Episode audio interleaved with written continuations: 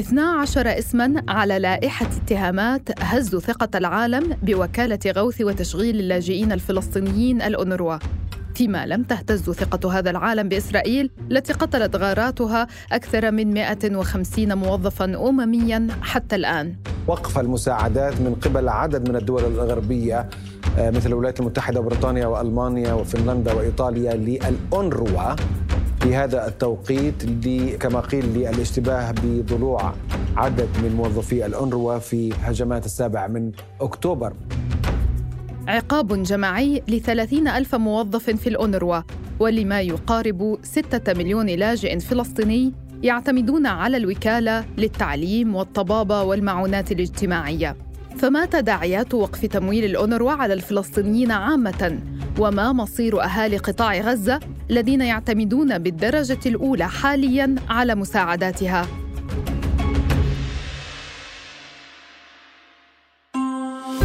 بعد أمس من أثير الجزيرة أنا روعة أوجي.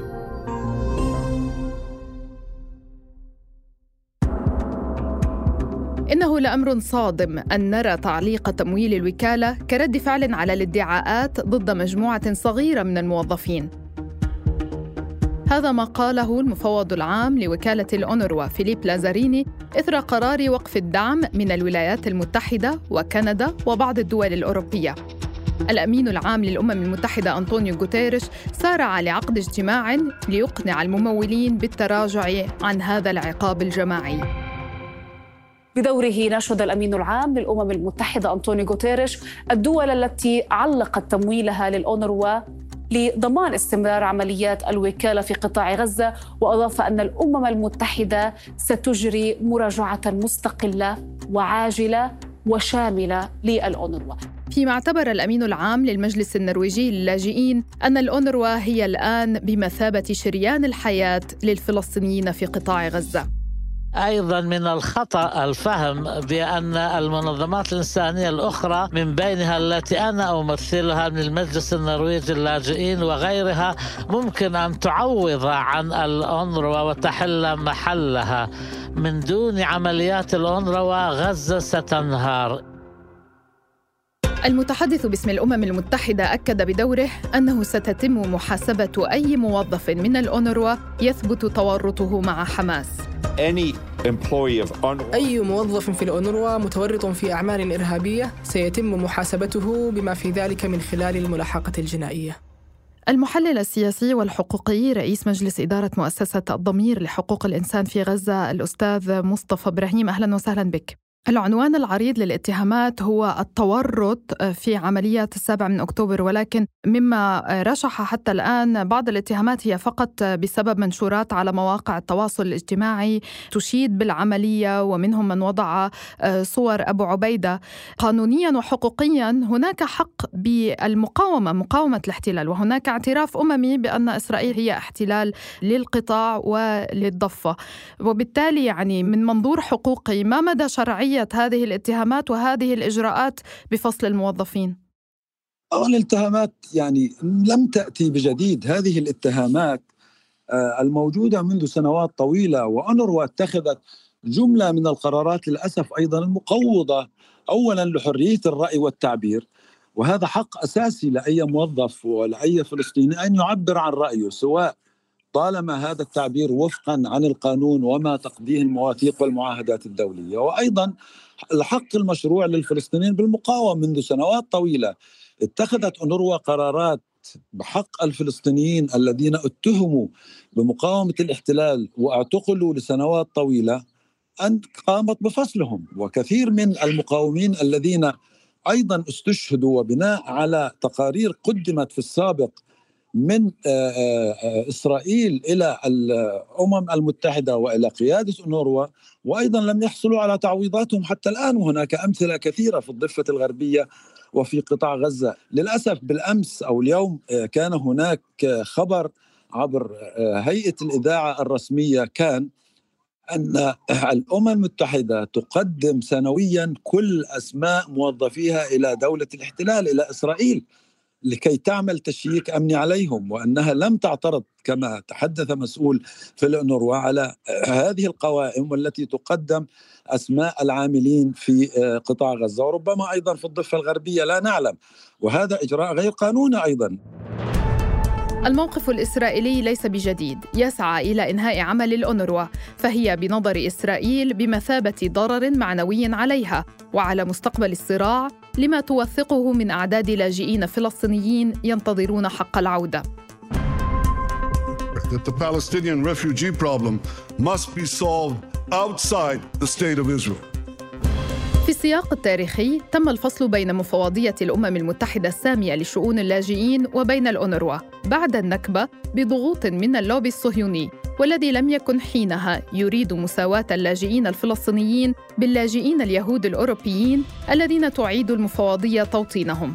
وبالتالي تشكلت تحت الأمم المتحدة وكالتان منفصلتان للاجئين. المفوضية تتعامل مع جميع اللاجئين الآخرين والأونروا تتعامل مع اللاجئين الفلسطينيين في الضفة وغزة وسوريا ولبنان والأردن الأستاذ مصطفى إبراهيم ما الذي تريده إسرائيل حالياً من الأونروا؟ يعني في مقولة آه، كان برددها آه، رئيس والمؤسس الأول لدولة الاحتلال بن جريون أن أوم شوم يعني أن الأمم المتحدة شؤم.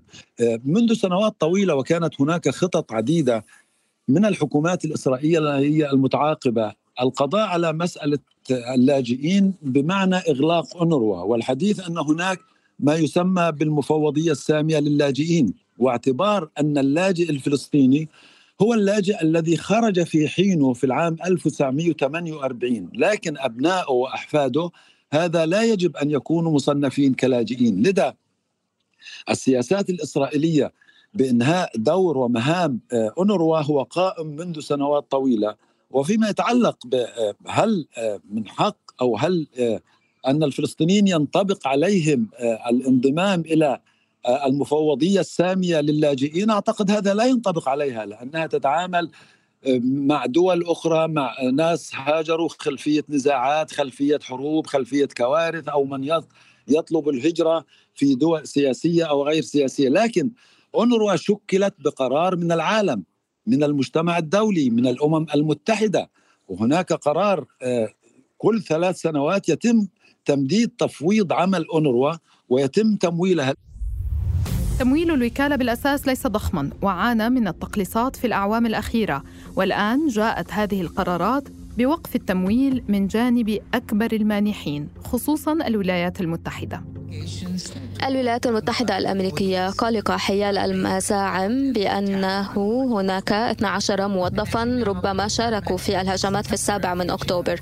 وكما تعلمون الوزارة آه، أعلنت عن وقفة مؤقتة في حين أننا نراجع هذه المزاعم أستاذ مصطفى إبراهيم إلى أي مدى قد تؤدي هذه القرارات بحجب الأموال والضغط الإسرائيلي إلى التخلص فعليا من الأونروا في فلسطين والشتات وبالتالي التخلص من قضية اللاجئين وحق العودة؟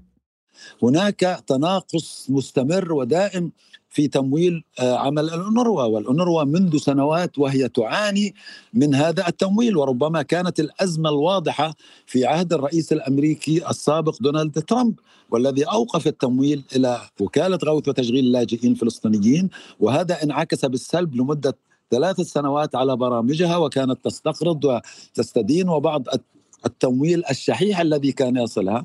وبعد آه، عودة أو انتخاب بايدن عاد التمويل لكن لم يكن كما كان في السابق. وهذا أيضا من الأزمات ومن التحديات التي هي ما زالت موجودة أمام أونروا بعيدا عن السياقات التاريخية والسياسية على أرض غزة التي تعيش الشهر الرابع من الحرب من قصف وتجويع وحصار ما هي أكبر المخاطر التي يواجهها سكان القطاع مع هذا العقاب على الوكالة؟ بالفعل يعني هذا عقاب جماعي. واضح أن هناك وكأنه خطة مبرمجة لاستمرار آه، آه، في مشروع التنزيح في مشروع تهجير الفلسطينيين. سيعمق الكارثة سيعمق أزمة الفلسطينيين سيعمل على تجويع الناس أكثر انتشار الأوبئة انتشار الأمراض.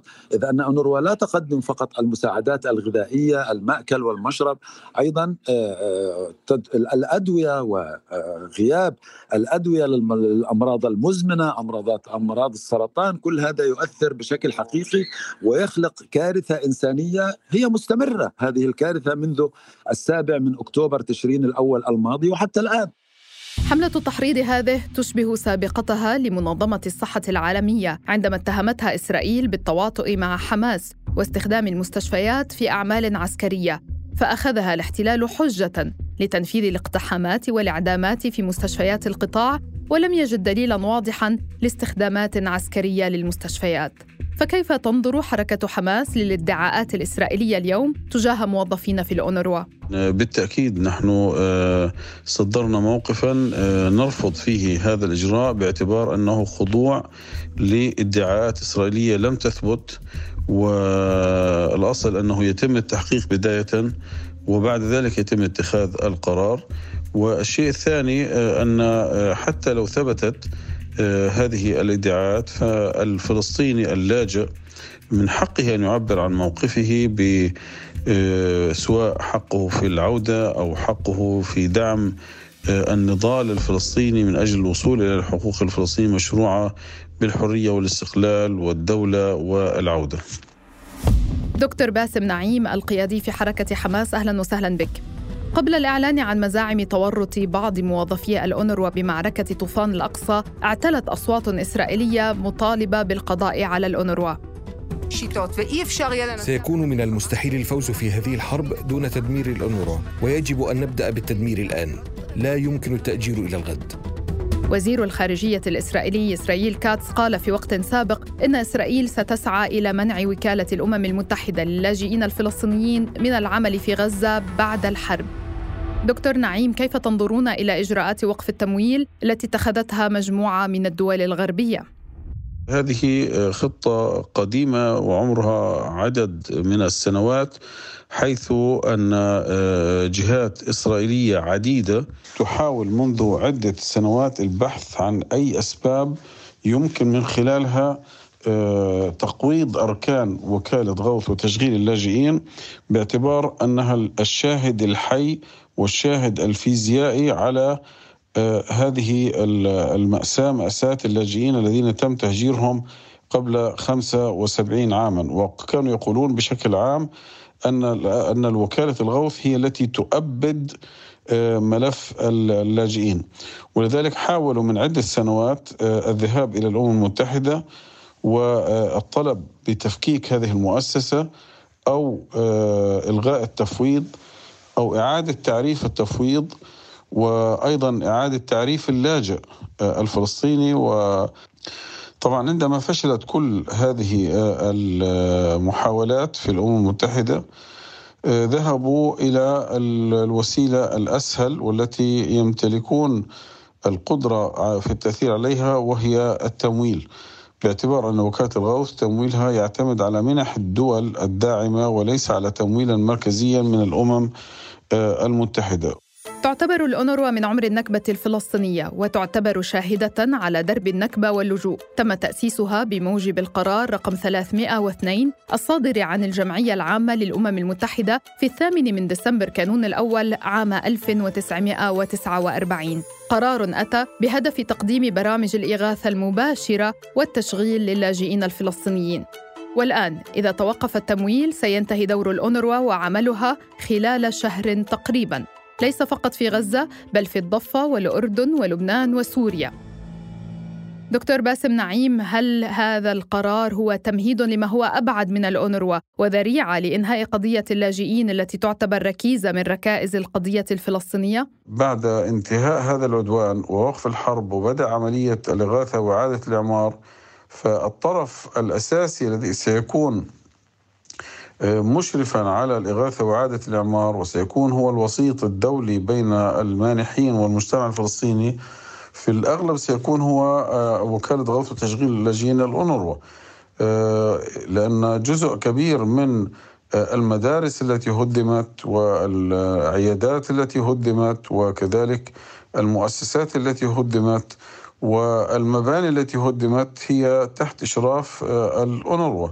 وبالتالي لا يمكن ولا يعقل أن نتخيل أن هذه العملية عملية الإغاثة وإعادة البناء تتم في غياب الأونروا. ولا نتوقع أن هناك جسم دولي بديل يستطيع القيام بهذا الدور لأن الأونروا في قطاع غزة لوحدها ترعى حوالي 80% من سكان آه، القطاع آه، سواء كموظفين أو كلاجئين مواطنين. لذلك آه، نعتقد أن هذا القرار قرار خطير جدا وهذا القرار يعاقب الضحية ويتواطأ مع الجلاد على حساب الشعب الفلسطيني في هذه اللحظة الحرجة والحاسمة التي يتعرض فيها لجريمة الإبادة الجماعية. وكذلك بالتأكيد كما قلنا سيؤثر على الخدمات المقدمة لملايين من الفلسطينيين اللاجئين آه، في خمس آه، في أربع مناطق للعمليات الوكالة خارج آه، قطاع غزة. لم تكن هذه المرة الأولى التي تعلق الولايات المتحدة دعمها المالي للأونروا. ففي عام 2019 دعا مستشار الرئيس الأمريكي السابق دونالد ترامب لشؤون الشرق الأوسط إلى إنهاء عمل وكالة الأونروا متهما إياها بأنها فشلت في مهمتها. الأستاذ محمد الحوراني عضو المجلس الثوري في حركة فتح أهلا وسهلا بك بعد قرارات وقف التمويل الأونروا ما الذي يمكن للحركة ولمنظمة التحرير تقديمه لاحتواء تداعيات القرار على اللاجئين الفلسطينيين في الداخل والشتات والمعتمدين بشكل أساسي على الوكالة الأممية؟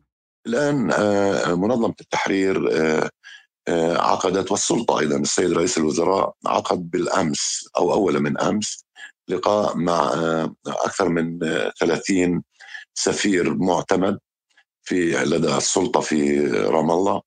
وهذا اللقاء تناول هذا الموضوع بالضبط وقدمت أو قدم الموقف الفلسطيني. وكان في هناك يعني تفهم من قبل كثير من الأطراف لصحة الموقف الفلسطيني. هذا أدى إلى وجود ما يشبه الوعد بإعادة النظر بهذا القرار الخطير. لكن هذا يلزم مزيد من الجهود حتى تعود الدول التي أخذت هذا الموقف عن قرارها. التداعيات لا تقتصر على المال. هناك أيضا تداعيات سياسية لقضية اللاجئين. كيف تتعامل المنظمة مع القرارات السابقة والجديدة والتي تشكل ضغطا عليها وتهدف في الأساس لتصفية قضية اللاجئين؟ التخلص من مؤسسة اليونروا يعني محاولة مسح حق اللاجئين عن جدار العمل السياسي. هي محاولة طبعا تحاول أن تمس جوهريا موضوع حق العودة وموضوع الصفة القانونية للاجئ. لذلك عمدت الولايات المتحدة بالتفاهم مع إسرائيل للمرة الثانية وفي ظل إدارة بايدن لأخذ هذا القرار الخطير. لكن يجب علينا نحن أن نعيد العمل خطوة بعد خطوة حتى نعيد الأمور إلى نصابها الصحيح وأعتقد أن آه، الجهود ستستمر بحيث إنه بعض الدول التي أقدمت على أخذ هذا القرار أعلنت إنه هي ستدرس الأمر وأن إجراءها مؤقت. التحدي الآن أن يستمر الجهد السياسي والدبلوماسي من أجل إزالة أثار هذا القرار الخطير. النرويج وإيرلندا وتركيا والسعودية من بين الدول التي رفضت وقف التمويل عن الأونروا هل هناك مساع دبلوماسية تقومون بها سواء مع الدول التي علقت التمويل أو مع دول يمكن أن تكون بديلة لمن سحب؟ جهود مع الدول اولا جهود مع كل الدول بما فيها الدول الممولة والدول الغير ممولة بالمناسبة لأنه الدول حتى الغير ممولة يمكن أن يكون لها موقف آه، يؤكد على ضرورة استمرار عمل اليونروا لأسباب إنسانية.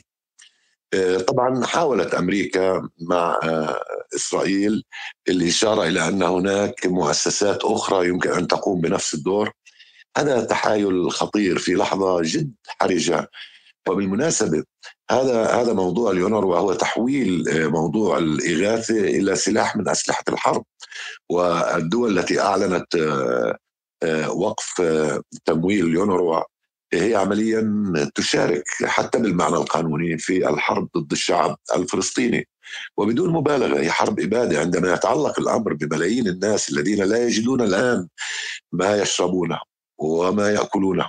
ما يحصل في غزة يشبه أهوال يوم القيامة وهو اختبار بالمناسبة لضمير العالم. لكن المسؤولية ملقاة أساسا على منظمة التحرير التي تعمل آه، بشكل حثيث إن كان باتصالات ثنائية مع هذه الدول وإن كان باتصالات آه، آه، جماعية كما قلت لك كان بالأمس هناك اجتماع مع كل ممثلين الدول ما فيها الدول التي حجبت المساعدة أو أوقفتها عن اليونروا وكما قلت لك كان في هناك ما يشبه الوعد بإعادة النظر بهذا الأمر والتعامل معه كإجراء مؤقت. لابد أن يستمر العمل من أجل أن ينتهي هذا الإجراء.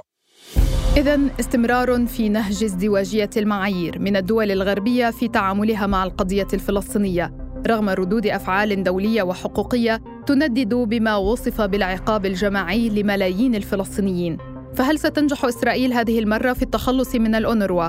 أم ستتراجع الدول المانحة عن قرارها لإنقاذ الوكالة واللاجئين الفلسطينيين؟ بعد أمس من أثير الجزيرة تابعونا عبر كافة منصات البودكاست وأرسلوا لنا أسئلتكم ومقترحاتكم في التعليقات وعبر حسابات أثير على مواقع التواصل الاجتماعي. دمتم بخير ونلتقي بعد أمس.